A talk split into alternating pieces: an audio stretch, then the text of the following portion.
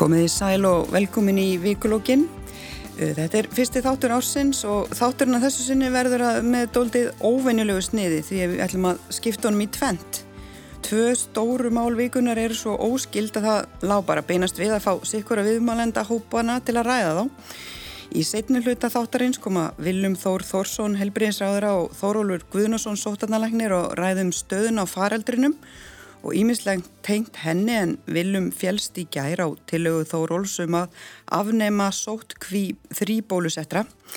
Uh, Fyrir helmingur þáttarins fer hins veri að ræða stóramálið sem skekið hefur samfélagið undarfarna daga frásögn Vítalíu Lasarefa sem lísti kynferðisbrótum áhrifamanna í íslensku samfélagi í hlaðvarpsþætti ettu falag fyrir vikunni. Frásögn hennar af tveimur aðskildum atbörðum var til þess að allir kartmenninni fimm sem hlutáttu að máli hafa ímist farið í leifi frá störfum eða sagt sér stjórnum stóra fyrirtækja. Þetta eru þeir Ari Edvald sem fyrir í leifi frá Ísei útflutningi, sýstu félagi MS, þar sem hann var áður fórstjóri, Rekvur Jónsson sem satt í stjórn Veritas Capital og tengdra fyrirtækja svo sem Distika sem sér um dreifingu bólefna Þóruður Mári Jóhansson sem satt í stjórn Festi sem á meðal annars en neitt Krónuna og Elko og loks Arnar Grant, enga þjálfar í World Class og Lógi Bergmann útvarsmaður á K100. Edda Falag er komininga til okkar en einnig tvær konur úr viðskiptalífinu, Ingun Agnes Kró sem situr í stjórnum sjóvar HS Orku og Æsland Seafood og Inga Björg Hjaltadóttir eigandi Attentus sem veitir meðal annars ráðgjöfum stjórnarhætti fyrirtækja og situr einni í stjórn TM. Verðið velkomanar. Takk. Takk fyrir. Takk fyrir. Ef við byrjum á þér þetta, nú hefur frásögn Vítalíu þegar haft svona mjög, mjög afdreifuríkar afleðingar fyrir þessa menn svo ekki sem ég er sagt, kemur það þér á óvart að þeir skuli hafa hætti eða verið látnir hætta? Já, það kemur alveg óvart að þetta hafi gerst svona fljótt sko að þeir hafi þá beðið sjálf viljur eða látnir fara í leifi eh, en eins og við segjum við veitum ekkert hversu lengi þetta verður eða er þetta, þetta er eitthvað tímabundi leifi, er þetta launa leifi, Ma, maður veit ekki hva, hvað þetta þýðir. En já, vissulega eh, bara flott að þetta hefur verið höndlað svona strax. Nú vitum við raunin eins og þú segir ekkert hvert framhaldi verður Hver er þín skoðun á því? Ef að segjum sem að þetta mál fari ekki lengra, fari ekki í gegnum dómskerfið, heldur bara þetta stoppar hér, það eru upplýst um það og eiga þeir afturkvæmt? Ég er náttúrulega bara á þeirri skoðun að ég stend náttúrulega bara með vítalíf hennar, hennar frásögn og ég er bara á því að, að ég trúi henni og að hún hafi raunverulega þurft að þóla þetta þannig að mér finnst bara eðlilegt að, að þeir snúi ekki aftur annað finnst mér bara ó, mjög óeðlegt. Mm, og þá í rauninni kannski bara aldrei. E, e hvað þurfa þeir að gera? E, er þeir bara eiga þeir skilið að vera útskóðar fyrir lífstíð úr viðskiptalífinu yfir höfuð að þínum mati? Nei, nei, ég minna það kannski ekkit endilega mitt að segja en þeir eru náttúrulega í mjög mikill valdastöðu og, og, og hafa samkvæmt þessari frásögn uh, gerst verulega brotlegir og þá finnst mér ekkert, ég persónulega mín skoðan er svo að ég myndi ekki vilja hafa það svona uh, hátt setta að þeir get ekki sínt sóma sín í að vera bara góðir við annað fólk, ekki nýta valdastöðu sína í eitthvað, eitthvað svona viðbjóð sko.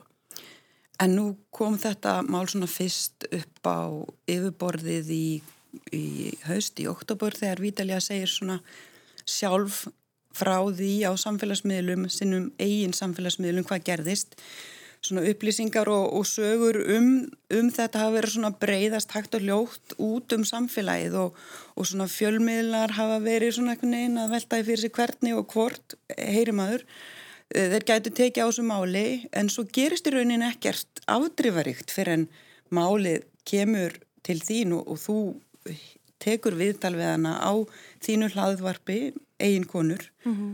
um, Getur þú útskýrt í rauninni hvað verður til þess að allt í hennu springur allt út þegar að uh, þú tekur þetta viðtal? Hver, hvað gerist í millitíðina þínum mati? Ég veit rauninni ekki, ég held að hérna, með við viðbröðin myndi ég búist að fólk hafi svona kannski vitað af þessu og verið að býða eftir þessu. Þetta voru rosalega sterk viðbröð strax allir einhvern veginn búin að fá kannski mánuð, jafnvel vikur í að melda þetta mynda sér skoðun og, og sjá fleiri eh, hún var með einhver, einhver skjáskot og, og svona sem bakkaði upp hennar sögu að, og á sama tíma veit ekki hvort þetta kannski bara hafi ekkert endilega komið mjög mörgum á óvart þannig að já, ég reynilega veit ekki af hverju þetta sprakk svona, kannski fólk var bara tilbúið einhvern veginn. Mm. Nú er þetta langt í frá fyrsta viðtalið, svona viðtalið sem þú tekur en, en líklega kannski bara mestu viðbröðum sem að hafa komið í kjölfarið. Heldur það ástæðan fyrir því að þetta er svo stór hópur uh, valda mikill að manna sem að þarna eiga í hlut? Já, klálega, ég held að, ég held að það sé líka eins og sagði, þetta er kannski svolítið vitað e, bara þetta svo, að svona menn, ég menn þetta er bara venjulegir menn þannig fjölskyldir menn og, og flottir menn sko að hérna að sé veginn að nýta valdastöðu sína í svona og komast upp með held að það sé líka svolítið það sem fólk er búið að býða eftir, ég meina það það er alveg eins og fólk segir svona menn myndi aldrei gera svona, en kannski eins og ég skrifaði að þeir voru kannski ekki endilega að búa stuði að hún myndi þóra að segja frá. Þannig að já, ég ef við svona förum aðeins yfir í svona þessi viðbrögð og nú sittir þið báðar í stjórnum stóra fyrirtækja og, og svona hvað þarf að gerast til þess að svona ákvarðanir séu teknar innan stjórna og hjá fyrirtækjum að, að vika mönnum úr stjórnum eða hvetja á til þess að stiga til hliðar eða segja af sér? Um, þetta Nú heyrði ég mörgum konum í viðskiptalífun í gær og, og, og það voru allar svona, já, sleiknar yfir þessum viðbröðum en, en sögðu samt sem áður þetta hefði ekki komið óvart.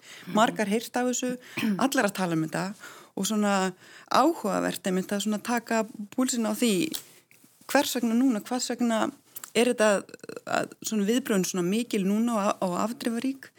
Sérstaklega þegar að kannski viðskiptalífið er sá geiri sem að hefur kannski verið svona síðastur til þess að taka við sér í þessum MeToo-bildingum sem að hafa verið undan farin fimm ár. Mm -hmm. Ef ég mætti þetta, að þá held ég að viðbröðun hafi kannski verið þessi að því það var búið að ákveða þau fyrirfram. Veist, ef að þetta myndi koma upp, að þá eru þau þeirra að stíga frá. Og mér langar að koma þess inn á það, því að, veist, að mín skoðan að það sé bara raung nálgun á þessi mál. Af því að veist, það að býða eftir kæru til þess að bregðast við. Eða það sem ég vist verra að býða og sjá hvort að eitthvað mál komist eitthvað neginn í hámæli og bregðast á við, það finnst mér bara ekki rétt nálgun út af því að segjum að konan bara kæri ekki.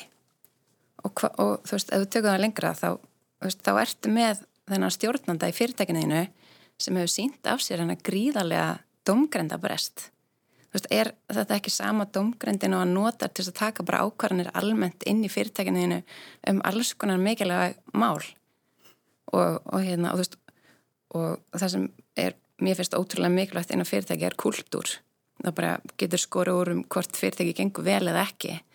Er þetta manneskja sem að þú treystir fyrir því að byggja upp kultúrin í fyrirtækinu verður þetta kultúr virðingar og trösts og jafnbrettis Þannig að sko, mér finnst bara rungnálgun að, að tækla þetta ekki bara strax. Og, og þá er ég bara að hugsa um sko þótt að enginn viti af þessu.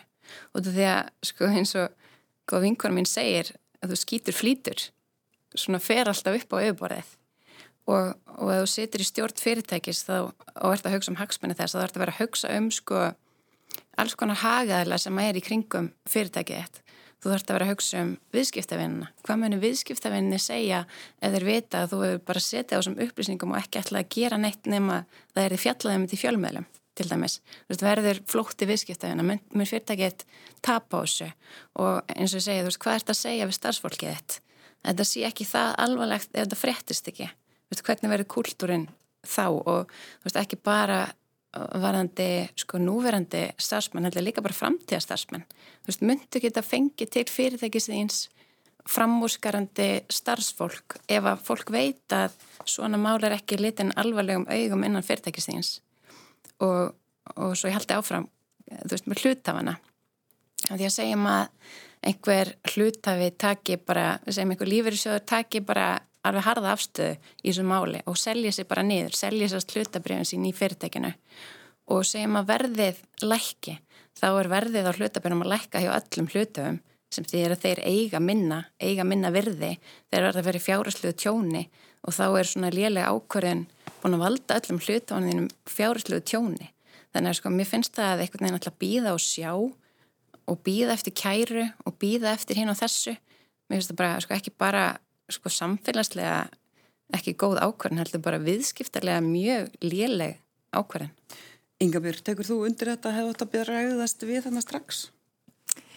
Þetta er alltaf mjög snúin mál og hérna fyrirtæki væntanlega standa fram í fyrir því að þau þurfa að meta stöðuna og, og hérna þetta er umræða sem fer fram e, stjórnamenn til dæmis í stjórnum þeir verða sjálfur að taka sínir ákvarðanir um að segja af sér eða þá að hlutafarnir að óska eftir hérna hlutafundi til að kjósa nýja stjórn. Eða þeir eru orðnir mjög ósáttur við hérna samsetningu stjórnar og, og hérna framistuða einstakst stjórnamans þannig að þetta er ekki alveg auðvild umræðin í stjórnum þegar þetta er annars stjórnumæður sem stjórnin hefur ekki bein forræði yfir. Hérna þegar þetta er náttúrulega stjórnandi fyrirtækisins þá er það eftir að móta eitthvað sem stjórnin þarf að fjallum og, og hérna fara í gegnum og, og ég gerir ráð fyrir því og við sjáum það núna að eitthvað verður til þess að, að í þeirri umræði sem fyrir fram í þessum fyrirtækjum að þá stíga þessir menn allir til hliðar eða hérna fara í leifi hérna núna í vikunni. Og, og það e, segir mann eitthvað að það sé búin að eiga sér stað umræða allt frá því oktober þegar mm. þetta kemst upp á yfirborðið og það sé svona búið að vera undirbúið þetta og, og ræða hvað aflengar þetta gæti haft og, og þannig erum við náttúrulega að sjá líka bara að þetta eru innri og ytri e, í raun og veru skilabóð sem felast í þessu við erum búin að vera með lögjöf núna í nokkuð tíma á Íslandi sem er með miklu strángari kröfur til fyrirtækinum að taka á til dæmis áriti sem upp kemur í raun og vera á vinnustanum og þar er vinnustaf búin að vera fjárfesta undanförnum árum í að þjálfastarsfólk og þjálfastjórnundur gefa svona skýr skilabóð frá toppnum um hvað sé ásættanlega hegðun og ekki. Það búið að vera einlega síðareglur í fyrirtæki auknum mæli.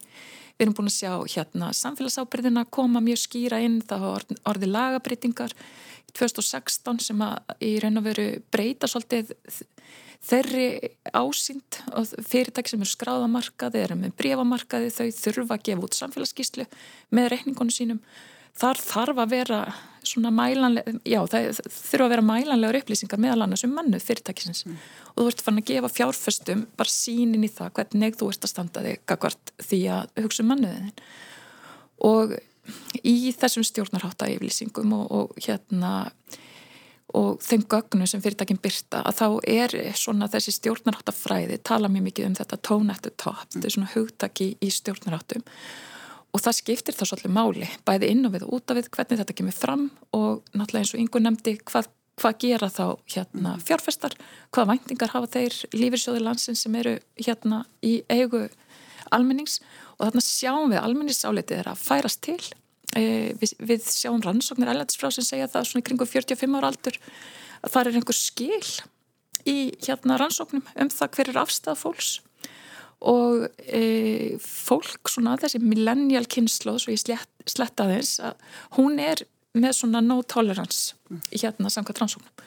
Þannig að og það erum að sjá og, og meintir þólendur sitja ekki lengur í hlutverki þólanda heldur koma kannski meira fram og verða gerendur í aðstæðum sem að þeir upplifa sig sem, hafa upplifað sig sem þólendur í og þetta er annur stað, þetta er breyting. En þetta er svo áhugavert að ég heyrði í þessum konum sem ég heyrði í gæru viðskiptalífinu nefndi einmitt þetta segja, uh, umræðu um ábyrga stjórnarhættu og samfélagsa ábyrg hafi svona til þess að veri svona álitið mjúkumálin í stjórnum fyrirtækja en þetta er svona sínir bara hversu grjóthart mál, hversu grót hörð mál þessi eru orðin, þessi, þau eru orðin mm -hmm. uh, þetta er farið að hafa bein áhrif á viðskiptahagsmunni fyrirtækinu og það er greinilega það sem spilar inn í hér í rauninni gerist ekkert í málinu sjálfu gagvart fyrirtækinum frá því að það kemur fyrst fram í, í oktober og þangar til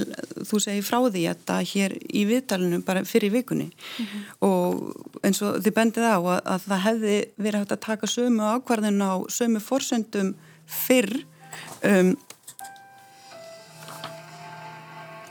eitthvað símarhingja ekki munn Þetta er engin annan jakka og svo tösku. Þetta er eitthvað utan að koma að ég henda svo fram. Já, endilega. Afsakið þetta. En um, já, það sem ég er, ætlaði að reyna að segja áður við vorum, tröflu hérna var að það er einmitt svona vettvangur eins og þinn þetta sem einmitt setur þessi mál á, á dagskrá og, og, og gefur uh, þólendum þessa rödd sem kannski þeir hafi ekki haft til þessa og, og, og sagt, koma skilabóðum að framfæri um þetta no tolerance sem þú vísa til Inga, að, að kynnslóðin 45 ára yngri bara hefur ekki umbröðlindi gagvart svona haugðun og þarlendi eru fyrirtækina bregðast við. Mm. Hefur þú bara á þeim tíma þetta sem þú hefur verið með, með þitt hlaðvarp séð mun á því hvernig svona uh, þólendur viðbröðin sem þeir fá og sögurna þínu fá og þú færð frá því kannski fyrstu hlaðvarpun og, og þanga til núna? Já, algjörlega, ég held að sem að sjá bara mjög mikla breytingu sko, uh, ekkit endilega kannski bara vegna þess að vegna aðvarpsins míns, bara vegna þess að eins og við sáum eins og með KSC og, og fleira við erum einhvern veginn bara við erum einhvern veginn bara að sjá, sjá eins og ég saði einhvern tíman að við erum bara að sjá sviðferðiströskuldinin aðeins hækka sko mm -hmm.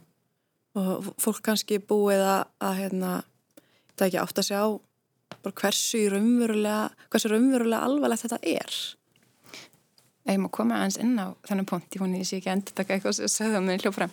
En hérna, sko, út af þessum út af þessum kynnslöfuminn sem maður tekur alveg eftir, sko, í skoðunum þá finnst mér svo ótrúlega mikilvægt að sé inn í stjórnum fyrirtækja ungt fólk. Mm -hmm. út af því að þú veist, ungt fólk sem skilur þá kannski betur hvað veist, þessi kynslu er að hugsa á viðskiptavinir og þú veist, átta sig betur á áhættanum sem félast í alls konar gömlu viðhórum viðskiptarlega að sé mm -hmm. Skiptir líka máli svo breyting sem við verðum orðið með, með lagabreitingum að, að nú eru jaft hlutfall kynja í stjórnum, er það kannski að kristallast emitt kannski í ákverðunum eins og við erum að horfa núna? Já, ég hugsa það að hafi nú alveg áhrif og hérna ég er svo sem seti í stjórnum bæði áður en þessi lögtóku gildi sem svona eina konan og, og síðan eftir að það eru urðu fleiri og hérna maður sér alveg að, að þetta hefur áhrif og það er alveg samramið við rannsóknir. Rannsóknir segja að fjölbreytni er alltaf á hennu góða fjölbreytni í aldri, fjölbreytni í bakgrunni, fjölbreytni í kyni, einsleitni leiðir okkur ekki til endilega góðra ákvarðana og á góðan stað og fyrirtæki sem hafa fagna fjölbreytni og, og ná utanum þetta hafa mörg hver náð sér í ákveði samkynnsforskot samkvæmt rannsóknum. Þannig að sannlega, jú, þetta er örgulega að hafa árið. Já, bara eins og, eins og þú sagðar áðan með kultúrin, mm. Menna, við sjáum það nú alveg hvað einhverju svona kalla klúpar, hvernig svoleiðis menning þrýfst og hvað, hvað, hún, hvað hún gerir. Það sé engum til góðs. Mm. Og heldur þetta sé svona mitt kannski góðu stað til að myndi fara að ræða og reyna að uppræta þá menningu bara uh, endanlega? Já, ég held að það hafi alltaf einhvern veginn verið umræðinu með þetta hérna jamt kynja hlutfall og það er mikilvægt að hafa auðvitað fjölbreytni og allt þetta svo að svona kultúr myndist ekki. En hver er svona ykkar skoðun á svona framhaldinu fyrir þessa menn og fyrir þessi fyrirtæki? Eiga þær afturkvæmt? Hvað þarf að gerast til þess að stjórnir geti tekið á aftur inn? Er það óþarfa áhætta fyrir stjórnur að taka þessi mennur vantanlega ekki ómissandi? Hlýtur að geta komið maður í mannstað, er þetta velja þá bara einhvern annan, einhvern, einhvern með óflekkaðara mannorð? Mm, sko fyrir mér snýst þetta ekkert endilega bara um, um mannorð, heldur bara svona, er þeir að gera eitthvað sem sýnir fram á eitthvað karakterbrest? Og ef svo er, vilja þá fá manneskuna aftur inn? En svo þú veist, ég er ekkert, þú veist, ég er alveg mikið fyrir það að gefa þú veist, annað tækifæri og mér finnst alveg ef fólk sko einlægt eitthvað nefn bæti sig og einlægt sko byrja afsökunar af einhver sem það er gert þá eigi alveg að hlusta á það sko og þú veist, við hérna, þú veist, mér finnst samtalið alltaf mikilvægt sko. Að þú veist, eiga þetta samtali um sko veist, næstu skref og veist og mín hlið og þín hlið og allt þetta sko. En, en sko, svo er líka hellingur af ótrúlega kláru og heilst eftir fólki í viðskiptarlífinu sko viðskiptarlífi er ekkert eitthvað bara vond fólk. Hérna, þú veist þannig að það er engin ómissandi og þú veist fyrir mér sem stjórnamöður ég myndi alveg hugsa ok, það er veist, það er alveg áhætta sko bara viðskiptarlega áhætta að taka manneskuna inn aftur ég myndi alveg velta því fyrir mér þótt ég myndi kannski alveg þú veist einhver hérna eh, ef einhver bætir sig, ég myndi kannski taka hann aftur sem vin minn, en ég myndi kannski ekkert endilega ráða hann aftur fyrir en ég væri vissam að ég geti sko treyst að domgrænt viðkomandi væri bara í lægi og viðþorf til annars fólks og, og, hérna, og þar fram eftir göttunum. Ertu saman þessu, Inga? Sko, ég við höfum verið að huglega þetta mjög mikið með fyrirtækjum og, hérna hva, hvað, hvað er hægt að fara í svona endurhæfingu og, mm. og bara í þjálfun og fyrirtæki hafa verið að kosta til þjálfun og, og fara í svona sáttaferli og svo framvegis innan hús þegar uppkoma svona mála millistarfsfólks Eh, við höfum leiðið svolítið yfir ansóknum á þessu sviði, hva, hverju skilar þetta, er þetta raunverulega að virka, eh, hverju, hvernig líður hérna þúalanda í slíku ferli og svo framvegis. Eh, mér finnst þetta, þessar ansóknir er ekkit orðar, orðnar alveg skýrar, þannig að maður er aðeins svona pínu að, að ná utanum þetta í dag og, og hvernig vinnum við okkur áfram í því, en, en sannlega, jú, öll fræðisla, öll nálgun á þessi viðfólksefni, hún skilar árangri og þessi umræða er svolítið svona að opnast, mér finnst við komið lengri í umræðinu um að, að fólk stýði fram að umræðan sé en tekin að, að hérna, þetta hafi afleðingar þegar svona mál koma upp. En hvað gerist svo, svo umræða er svolítið skemur á vega komin og, og hérna maður er alveg eftir að sjá bara í þessu máli hvað, hvað gerist, hvernig mynd það þróast áfram og, og hvaða afleðingar hefur það og hvaða upplýsingar eh, koma fram í þessu sem geta haft áhrif á það alls saman. En hérna en svo líka bara í þessu víðar samhengi hvað, veist, þetta með endurlausnina er, er, er hún tæk og undir hvaða aðstæðum og hvað þarf til að koma? Og minnst það bara svolítið svona áleitin spurning, ég er ekki með svar. Og svolítið svona hvaða hagsmunir er þar, er, hver er ha ríkari hagsmunir einstaklingsinn sem á í hlut heldur en fyrirtæki sinns og orðspór þess Um, við horfum á kannski viðbröð þess tveggja manna sem hafa komið fram ofinbarlega og svona, með smá viðbröð við þessum, þessum, þessari frásögn Lógi Bergmann lýsir því yfir á, á Facebook að hann telli sér saglausun af því að hafa beitt ofbeldi og í rauninni er að draga svona rengja frásögn Vítalíu mm -hmm. uh, Rækvöður segist ekki á broti lóg en, en hann hafi greinilega komist í, í, í verið í, í svona aðstæðum sem hann hefði ekki átt að vera í. Svona verið svolítið að reyna að draga úr frásögninni og svona rétta sinn hluta einhverju leiti um, ef við tölum bara til að mynda um, um yfirlýsingu loga það sem að vakti mjög mikla aðtikli í kjölfar hennar verð svona viðbröð fólks við henni. Mm. og til að mynda áslegar örnu fyrirvændi dómsmála ráð þeirra um, sem að lækaði þá færslu og, og svona sagði reyndar á MBL í gæra uh, þessi, þetta læk hennar væri, hefði ekkit verið svona yfirlýsing um það hvernig hún að hún, að hún væri að draga orðvítalíu Eva heldur bara sína vini sinu samkend mm -hmm. en hver er svona þín viðbröfið því? Hún, kom hún fram í myndbandi eða, eða svona í, ár, í, hérna, átæki sem að þú stóðst fyrir ég trúi mm -hmm. sem snerist um það einmitt að trúa þólendum Hvað, hvernig lest þú hvað skilabur lest þú svona, svona lindistákni? Sko ég ætla ekki að draga það eitthvað ef að hún, hún hvort að hún trúi vítalíu eða ekki en mér finnst alveg, mér finnst þetta alveg greinlegt merkjöldur svo mikil gaslýsing að koma fram og segja nei, mitt like, það er ekki like heldur það er bara samkend að ákveða að segja við alla aðra nei þið miskildu hvað ég myndi vegna þess að við erum búin að vera á Facebook í mörg mörg ár og hún er sko á mínum aldrei og hún veit alveg hvað læk þýðir og læk þýðir mér líkar þessi málflutningur, mér líkar það sem þú ert að segja. Þannig að læk er sko einhvers konar stuðningur við málflutning þess, þessa manns. Og það er ekkert að segja neitt annað. Þannig að mér finnst alveg sko mér finnst alveg með að koma fram og segja bara já, hérna bara fyrir gæðu að ég læka þetta. Það er allt í læg, það er allt í læg að hérna kannski lesi ekki allt eða setja bara allt í einu læka einhvern veginn og hugsa ekkert út í það. En einhvern veginn bara taka ekki ábyrða því að þetta er ekki þetta er engin stuðningur og þetta er bara með þetta algjörst leikrit og mest fárlegt að geta ekki bara viðurkenn það. Við vitum allt hvað læk þýðir. Læk þýðir ekkert ég heyri það sem þú skrifaðir eða ég sé það sem þú skrifaðir. Þú getur þá bara að skrifa það.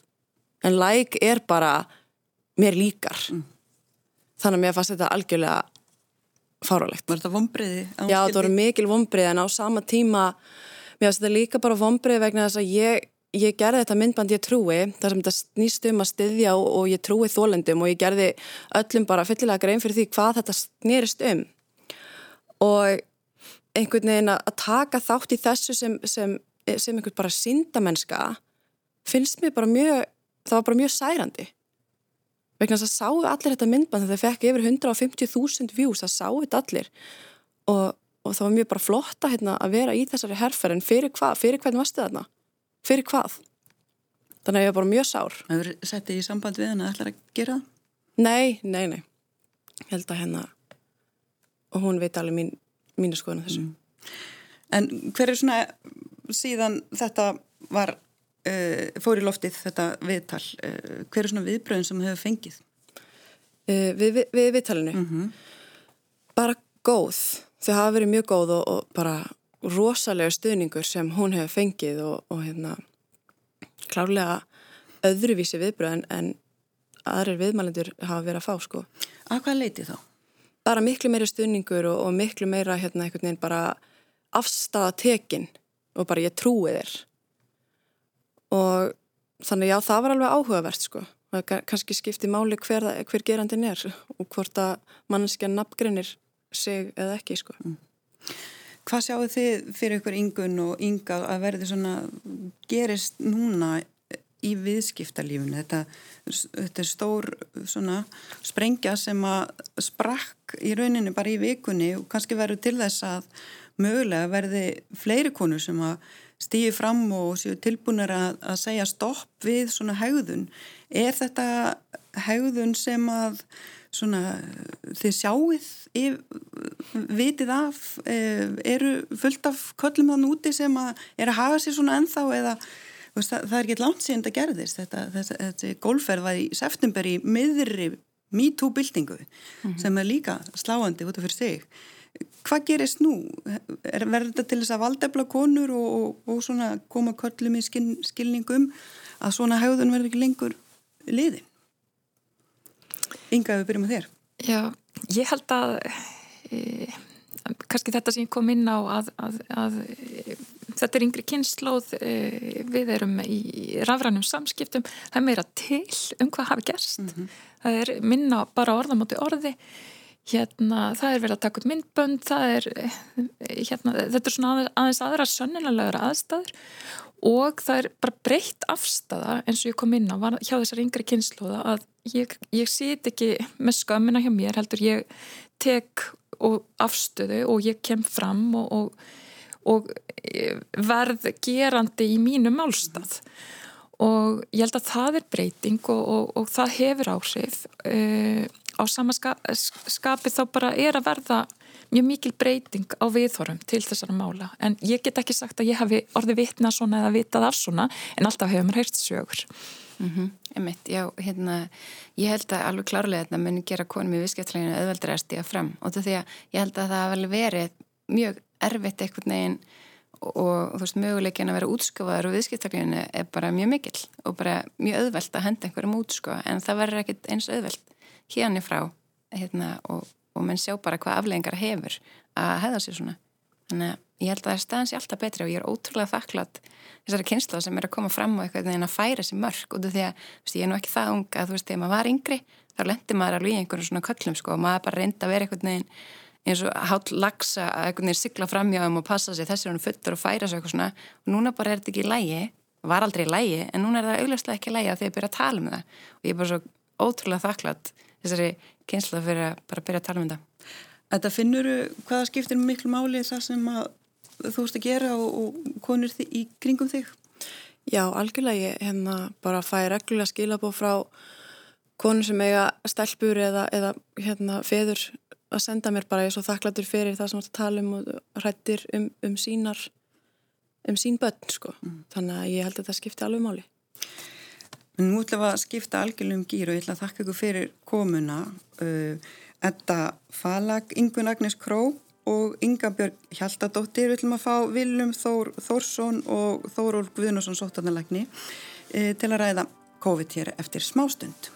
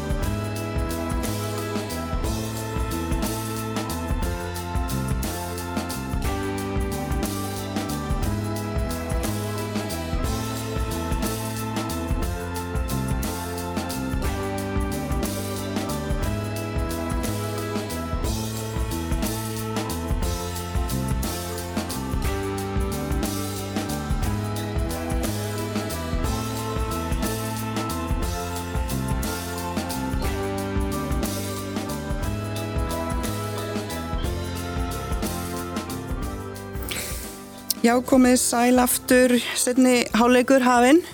Er það ekki alveg orðalagi sem þú vilt nota, Viljum? Velkomin. Það myndu, myndu margir ætlaða allavega. Viljum Þór Þórsson, helbyrðisraður og Þórólfur Guðinarsson hinga komni. Takk fyrir að koma. Nýjustu vendingar í viðbröðum við faraldrunum eru ákverðin þín Viljum um að fara ráðleggingum sótananlæknis um að afnema kröfu um sótkví þrý bólusettra. Þetta er mikil stefnubreiting. Um, þegar við svona hinga til talað fyrir því í stjórnvöld að vilja ekki svona mismunna hópum en, en það, er, það er svolítið nýtt upp á teningnum núna um, er þetta gert í rauninni eh, var þetta bara óhjákamlegt í stöðinu eða hvað? Já, ég held að það sé nú ákett að fá tækifæri til þess ég er að sko fara yfir aðdragandan að þessu og, og, og sótanarleikning getur öruglega bætt í það að það eru búin að vera sko vítækir eða vítært samráð á, á samráðsfundum með, með svona vel flestum aðalum í þjóðfélaginu og meðal annars vinnumarkanum og þegar að við erum þessi helstu vopn okkar í, í gegnum faraldurinn eins og sótkví og einangrun þegar að útbreysla smita er jafn mikil og römber vitni að þá eru þetta allt samfélagið kjarnastar sem er aðtunulíf uh, farið að högta mm. og, og, og stendur tæft við það. Þannig að það var ákall eftir því að reyna að útvika reglur um sótkví og skoða reglur um einangrun og það er búið að styrta einangrun um, um þrjá daga uh, með svona ákveðnum uh, skilurðum og hér eru tilugur sem eru þess efnis að, að halda kjarnanstar sem í gangandi og, og, og mæta hér þessum sjónamiðum en, en þetta eru þetta gert fyrst og fremst á grundvelli sóttvarnarraka. En auðvitað eh, blanda síðan þessi mismuna vingill og, og réttlæti skendin er sterk og það er bara eðlert mm -hmm. Er þetta eh, svona, svona vending, ný vending í rauninni í þessari baráttu gegn veirunni? Og við erum alltaf séð þetta nýja ómikrón afbrið og við erum búin að vera svolítið að fálma í myrkrinu, hvernig við maður bregðast við því? En er kannski óhætt að segja núna séu við komum með það miklar upplýsingar að við erum örug um að taka svona ákvarðanir um, um smá aflýttingar, getur við gengið lengra? Já, ég held að sko, það sem við höfum alltaf verið að gera náttúrulega er að reyna að afla upplýsinga og vera með rauk fyrir því sem við gerum. Og um, ég benda á það að þetta er í sjálfur sér ekki nýtt, við erum búin að vera að veita undan þá frá sótkví, svo kallar vinnusótkví á mörgum, uh, mörgum gerðum í raun og veru. Það er vinnusótkví inn á spítölum, það er vinnusótkví inn á hjókurnaheimilum, það er vinnusótkví í fyrirtækjum og starfsefn ímiskonur og hefur verið þannig frá byrjun þar sem við erum að leggja og hjálpa fyrirtækjum til þess að, að fólk sem að þarf að vera í sótkví getur unnið á ákveðin máta, þurfi ekki að vera lokað inni heima. En þetta er svona aðeins útvíkun á því áframhalda þeirri vinnu til þess að gera það líka aðeins auðveldara, bæði, bæði fyrir okkur, þetta er orðið gríðarlega vinna að, að útbúa vinnusótkví fyrir svona mikið fjölda, mm. við bara hreinlega ráðum alla við það og þarfur utan held ég að þetta sé jafnvel örugar að gera þetta svona. Þarna erum við með best bólusetta hópin sem, að, sem að er klárlega best varin þó að hann sé ekki kannski alveg nægilega vel varin fyrir smiti, þá er hann vel varin fyrir alvarlegum veikindum og við erum að beita svona sömu reglunni á alla eh, þannig ég held að við séum með góð fagli rauk fyrir að gera þetta svona og, og sama tíma liðkall verulega fyrir, fyrir starfsemi í landinu, þetta eru um 150-60 þúsund mann sem er búin að fá örfunaskantin þannig að, en svo verðum við bara að fylgjast með því hvað gerist sko, e, e, fá eitthvað bakslagi þetta, eitthvað vandamál sem kom upp og þá, eins og alltaf, þá þurfum við bara að endur skoða málið. Viljum er komin tímapunktur í faraldrinu núna til að ganga jáfnvel ennþá lengur að afnema sótöðna takmarkanir fyrir þennan hóp, þennan þrý bólusetta hóp og til dæmis með því að taka upp bólusetningapassa eins og önnur lönd hafa, hafa gert? Ég held að við séum uh, bara jöfnum höndum alla daga og með, með okkar besta fólk á vaktinni eins og sótatanleikni að meta þetta jöfnum höndum og nú erum við búin að vera í þessi tæptu ári í faraldunum og erum alltaf að takast á við svona nýjar áskorunir í þessu eins og þetta nýja afbreyði sem að smitar uh, já mikið og raunber vitni. Fjöldi smita er miklu meiri en við höfum áður upplifað. Og þannig að það, það er bara eðlert að við tökumst á þetta sko jöfnum höndum, það, það er raun og verið eina svarið í þessu vegna þess að það, við erum alltaf að takast á í nýjar áskonanir og, og að þið erum að ræða þessa hérna, útfæslu núna á sótkvið, þá, þá líka ágætt að minna okkur á það af hverju við erum að þessu öllu saman. Svo, í sótunarlegum þá leggjum við bara mjög ríka áherslu á skildur einstaklinga að fara það öllu með gátt, að passa sig og aðra í kringum sig. Mm.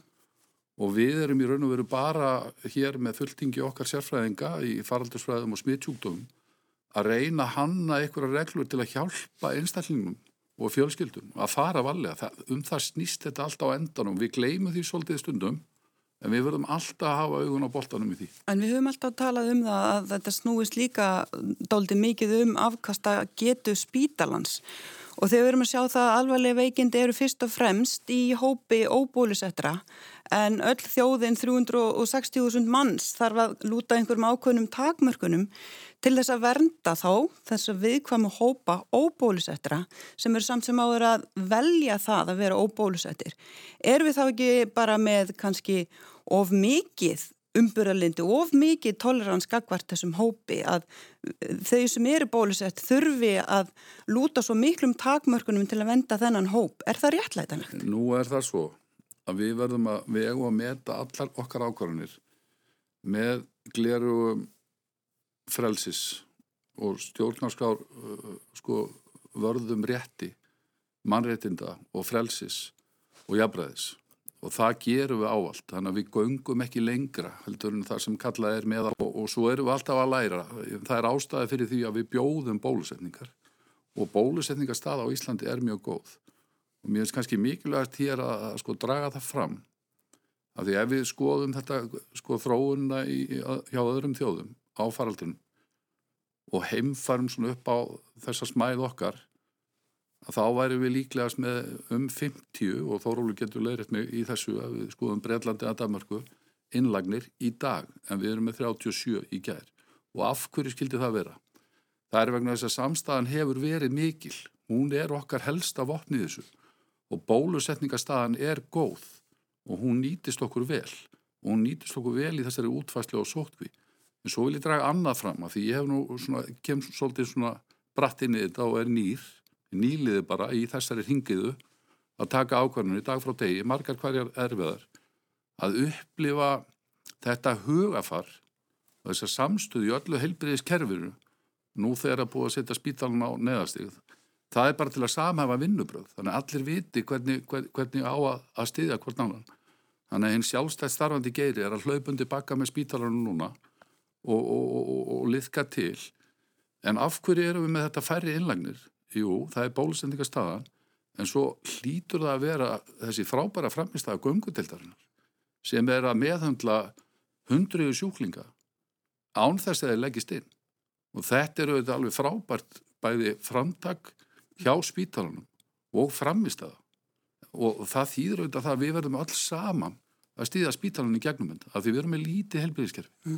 En Þórólur, ef við tölum aðeins meira um þennan óbólusettra hvers vegna hefur ekki tekist að ná til eins og hvaða hópar eru þetta fyrst og fremst? Já, það er góð spurning. Þetta er náttúrulega þessi hópur sem er kannski 10% af þeim sem eru 12 ára eldri samkvæmt þjóðskara og, og, og manntali sem við höfum að það er bara mjög sundur leitur hópur, það er alls konar fólk. Það er fólk sem getur ekki fengið bólusetningu af læknisfræðilegum ástæðum.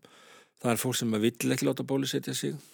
Það er fólk sem að, eh, af elendubergi broti kannski sérstaklega sem við náum ekki til sem annarkort vill ekki láta bólusetja sig eða er ekki kannski alveg með í þessar umræðu sem við erum með. Og svo líka, má ekki gleyma því að það er þarna líka hópur sem er skráður hér á landi en er ekkert hérna á Íslandi Og, og, og þetta, við veitum ekki nákvæmlega hvað, hver hópur er stóri raun og veru, en þetta er, það er mjög erfitt að samhafa þetta nákvæmlega, við hefum búin að gera mjög mikið til að ná til útlendinga til dæmis sem að hér eru, við erum búin að gera uh, með bílin, hérna, hérna bólusetninga bíl sem hefur farið að milli, við höfum verið að bjóða bólusetningu á landamæronum í einhverjum, einhverjum mæli. Og þannig að við erum að reyna hvað við getum uh, og, og hérna, það er vansið að við, við náum meiri árangri þar ég er ekkit endilega vist til þess að kæðum bólusningar skilda, við myndum undirlenda í miklu vandraðum með því að framfylgja því til dæmis. Þannig að við bara lifum við þetta, þetta er svona og, og, og reynum að höfða, áfram að höfða til fólks. En það er rétt sem að koma þetta fram á þann að, að það er fyrst og fremst óbólusett fólk sem er að veikjast alvarlega, það er að segja að fara inn á gjörgjastlu en inn á spítalan erum við líka með bólusett fólk og það er bara vegna þess að útbreyslan er svo gríðarlega mikil núna að, að það er bólusett fólk sem að er, að, er að veikjast en líkunar er bara miklu, miklu, miklu minni hjá þeim. Þannig að við, við verðum bara að berjast í þessu svona áfram til þess að halda þessum faraldri þannig niðri að, að spítalinn og, og, og heilbreyðiskerfið okkar ráði almenlega við það. Út af það gengur þetta. Þanga til við fáum það mikið ónæmi í samfélaginu, til dæmis með bæði bólusetningunum og svo þessu náttúrulegu síkingum, að það fari bara verulega að hæja á, á þessu af náttúrulegum orsökum og það kemur að þeim tíma en við bara vitum ekki nákvæmlega hvenar. Um, er þetta að færa einhver sóttornarleg rauk fyrir því að, að fara þessa svona uh, bólefna passa leið sem að önnur lönd hafa gert? Í, Ef við tækjum það bara pólitíkin algjörlega út úr þessu? Já, það sko, við, þetta var rætt svolítið þegar við vorum með deltaabrið og klárlega þar vorum við með fagleg rauk og sóttornarleg rauk fyrir því að að þeir sem væri fullbólusettur og fengi örfunaskamt, þeir voru miklu óleiklegri bara til að bera smitt heldur en aðrir. Síðan kemur þetta omikronafbrið og, og, og breytir landslæginu töluvert mikið. Þannig að, að, að vörninn eftir bólusetningu, hún, hún, hún dvín eftir aldinn tíma, sérstaklega eftir tvoskanta. E, e, örfunabólusetningi, hún er miklu betri en við veitum ekki hversu lengi hún endist. Þannig að við erum svona með faglega kannski ekki alveg sterk rauk núna út af þessu omikronabrið til þess að vera með bólisningapass og segja þeir sem að fengi þráspröytur þeir eru bara lausur undan öllu. Ég held að það væri varhugavert að gera það mm. út frá faglegum sjónamiðum en, en svo geta menn eins og þú segir skoðað út frá öðrum, öðrum sjónamiðum. Um, nú talaður um, um, um stöðun og spítalanum á þann og, og, og klínikin að fara að leta undir, það var skrif undir þann samning í gær, mm -hmm. henni verið loka tímabundið, uh, dýr þetta til? Svo, svo er það vantilega um, um 100 manns að koma tilbaka úr sótkví þarna inn, e, starfsmenn sem voru sótkví sem að þrý bólusettur og, og það munur um það líka, en, en þarf að gera meira, er þetta nú?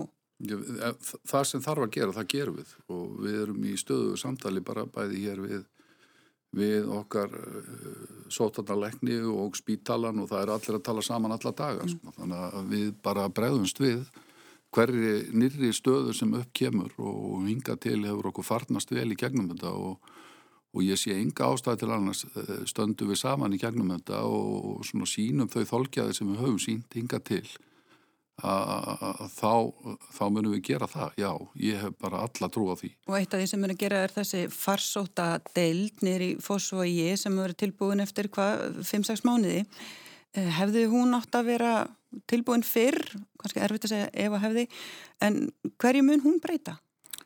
Uh, hún mun kannski breyta því að smittsjúkdómadeldin getur þá aðskilja sér frá því og þá erum við búin að aðskilja þetta og, og, og, en, en, en ég held kannski að, að það er alltaf erfitt að vera að horfa mikið í baksinni spekla öðruvísi heldur en bara að læra af því eftir hvernig framvindur hvað vísindin segja okkur. Mm -hmm. og, og, og ég svona að koma inn á það og steyðja það sem að Þorvaldur var að fara hér yfir rökin fyrir því að nýta góða bólusendingastöðu að okkur ber alltaf að sama brunni. Það eru sóttvanda rökin sem eru alltaf á bakvið allar ákvarðinni sem við mátum þó með tilið til, til mannreitnda og, og jafnbræðis og meðalofs og ég vil taka undir það við höfum bara leita allra leiða til að upplýsa og hjálpa og styðja fólk við að beita eða nýta sér öll bestu úrræði. Það, það, það, það liggur alveg fyrir að örfunarskamturinn dregur verulega úr líkum á smitti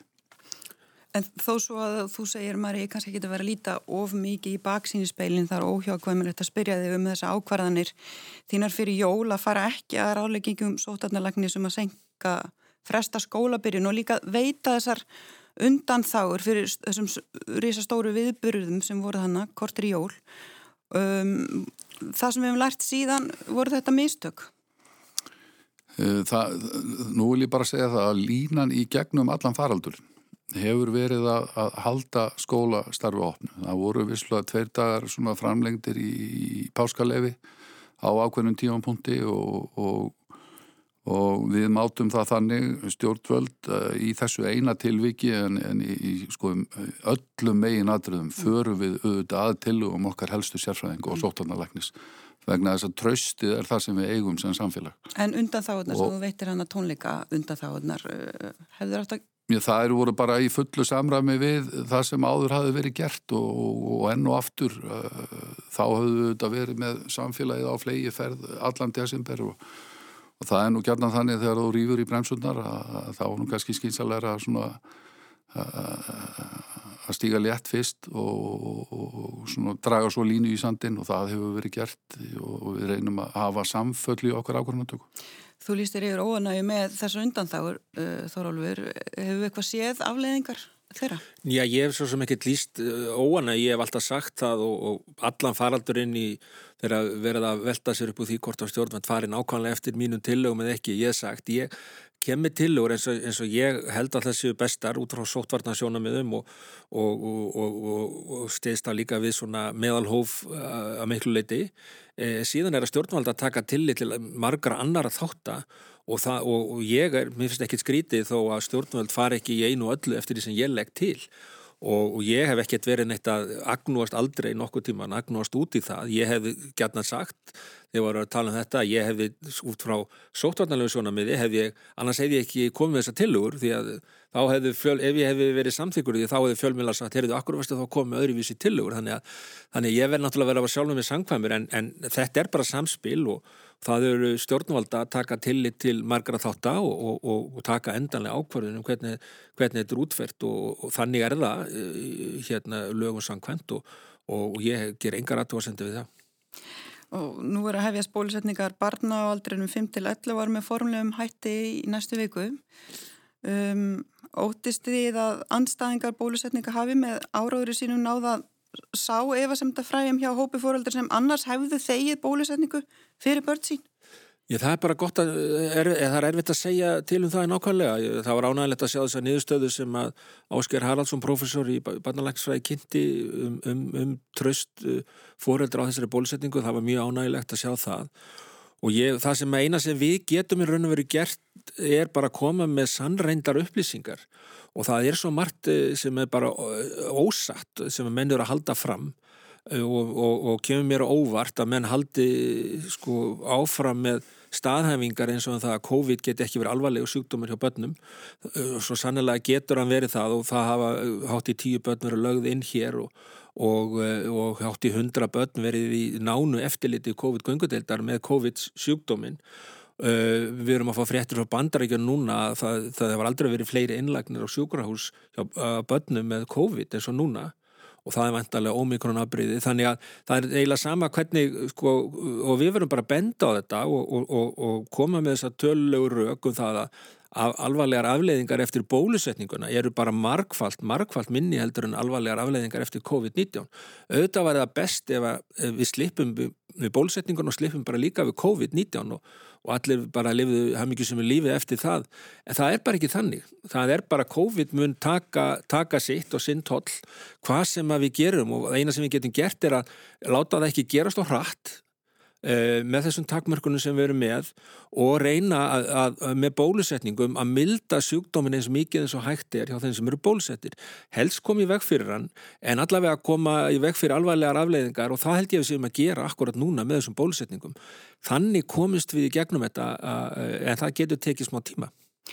Og hvað sér þú fyrir þér Viljum? Hvað þurfið að fara að beita stjórnvöldlega að beita öðrum aðferðum til að ná til uh, hóps sem að gengur íla ná til? Uh, Ef við horfum á bólusetningabatna, fóreldra. Bólusetningabatna, sko nú er það þannig við, við auðvitað félum, þetta er, þetta er svo mikið sérfræðisvið, við með lögum félum auðvitað okkar bestu sérfræðingum uh, það að, að fara yfir þetta og, og meta hagsmununa af því að bjóða upp á þetta og, og minn, ég minna á að þetta er, er valfrjálst og þá þarf að liggja baki mjög skýrt hagsmunumat sem að okkar, okkar sérfræðingar auðvitað fara yfir. Bæði þarf lífastofnun að fara yfir eh, markastleifi og, og veitaleifið og, og svo okkar uh, landlæknir og sótarnarlæknir og við erum með hérna okkar helsta sérfræðing á nákvæmlega þessu sviði uh, að fara yfir þetta hagsmunumat og, og það er það sem liggur á bakvið og svo er það heiliðin og mað, maður skinnjar það og ég sem foreldri að, að umhyggja fyrir börnum eftir því sem við förum neðar í aldri að þá bara vakna aðrar tilfinningar og Þess vegna er auðvitað mjög eðlert að kalla eftir öllum upplýsing, tiltekum upplýsingum og, og jafnvel eins og umræðin hefur verið að, að svona, já, kalla eftir frekar upplýsingum eh, sem að koma fram í skýru hagsmunamatið. Það er annars vegar hagsmunamatið. Það liggur alveg mjög skýrt fyrir að gagsiminn af þessu er meira en áhættan af því að fá COVID. Mm. Og, og, og þá að þessi fyrir sér sem foreldri já, viltu bjóða bandinu upp á þetta að verja sér gagvart þessari veiru uh, gagvart áhættinu af því að fá svo COVID og ykkurar mögulega raukaverkanir. Þetta er auðvitað mjög viðkvæm mm. og maður, hef, maður getur lítið annað en sínt því skilning en, en, en, en það væri mikil ábyrð að bjóða þetta ekki út frá því hagsmunarmaldi sem likur fyrir. Ef við sem stjórnvald myndum, myndum uh, fara gegn því, þá, þá, þá fyrst væru við farin að rýra allt tröst hér í, í, í landinu. Maður bæt, bæta bara við þetta, ég held að sko það er mjög mikilvægt að, að til dæmis varðandi bólusetningar við höfum lang mestar og bestar upplýsingar frá bandaríkjanum þegar hafa bólusett eh, langt flest börn á þessum aldri sem við erum að tala um. Og þar hefur það komið fram að alvarlegar aukaverkanir sem þeir hafa síðan af 8 miljónum bólusetninga er cirka bát 1 af miljón og, hérna, og, og það, sjá það allir heldur sem vilja sjá að, að afleiðingar af COVID eru markvallt meiri þegar að, þegar að um það byrju 0,6% af þeim sem að, sem að hafa smittast til og meins í bandarækjunum og, og verið með einkenni þurfa að leggjast inn. Og hér hafa hátt í 20 börn, hátt í 10 börn þurft að leggjast inn og tvö á gjörgjastlu Þannig að það er ólíku saman að jafna þessi, þessi áhættu. En ég vil líka benda á að, að undibúningur sem við höfum uh, sko, eitt í þetta hefur verið mjög viðamikill. Við höfum verið með samráð við alls konar hópa, skólasamfélagi, umbásmann, batna og fleiri og fleiri til þess að reyna að gera þetta þannig úr gardi að, að, að það sé ásættalegt fyrir alla. Þannig að ég held að sé, ég man ekki eftir því, ég er nú búin að vera lengi í þessum bólusningamálum og ég man aldrei eftir því að við höfum staðins vel og, og, og hérna, umfásmikið að undirbúningi að neittni bólusninga svo þessari. En er ekki fóreldrar svolítið hrættur um langtíma afleðingarnar því að það er ekki hægt að sína fram og það er núna vegna bara tímaskalan sem við erum að vinna með? Já sko, ég held að við getum verið, auðvitað erum við bara, höfum áhyggjur af öllum langtíma áhrifum á öllu sem við erum að lendi í. Við vitum það ekki fyrir ég held að þessi full ástæða til að hafa áhyggjur á langtíma áhrifum af COVID-síkingunni. Það eru bæði verið að tala um eh, svona þessu svo kallar long COVID eh, vandamálum hjá fullornum sem hefur mikið verið fréttum. Það er líka verið að tala um langtíma áhrif hjá börnum af COVID-smittinu. Þannig að ég held að sé full ástæða til að hafa áhyggjur af langtíma áhrifum COVID við vitum náttúrulega ekki um langtíma, hugsanlega langtíma áhrif af bólusetningunni en uh, ég, það, þessi spurning voru alltaf komið upp í allar bólusetningar sem ég hef verið viðriðin alveg síðan 2002 að, að þið vitið ekki langtíma áhrifin að þessu en síðan bara kemur það alltaf í ljós að þau bólefni sem hafa farið geng, gegnum þetta nöðsilega ferli að, að langtíma áhrif uh, eru eiginlega engin mm. og miklu minni en, en sjúkdómari sjálfur mm. Viljum, það er stort verkefni framöndan hjá þér að ráða nýjan fórstjóra landsbítalans. Ertu búin að, er hefnisnend búin að skila sína áliti og hvernig ætlar að tilkynna um, um ráðningu? Já, ég hef, hef fengið, fengið það í hendur og, og svona framöndan er að, að taka frekari viðtull við, við þá umsækjendur og svona ganga í það verkefni og, og svo svona koma, við þurfum að breyta lögum til að koma á stjórn eh, á spítalan sem að, og ég bara gott að koma því að hér að hún er hugsuð eh, til stuðningsspítalan og ég held að í gegnum þennan faraldur þá við þetta séð gríðarlegan styrk í heilbriðiskerfin en, en hann hefur um leið afhjúpað veikleika. Og, og meðal annars þetta þá, þá þurfa þeir sem eru bara á vaktin í dag frá degi á ja, stóri stofnun uh, meiri stuðning og fórstjóri sem stendur í daglugum uh, hérna, starfi og sérstaklega við þessar kringustöður.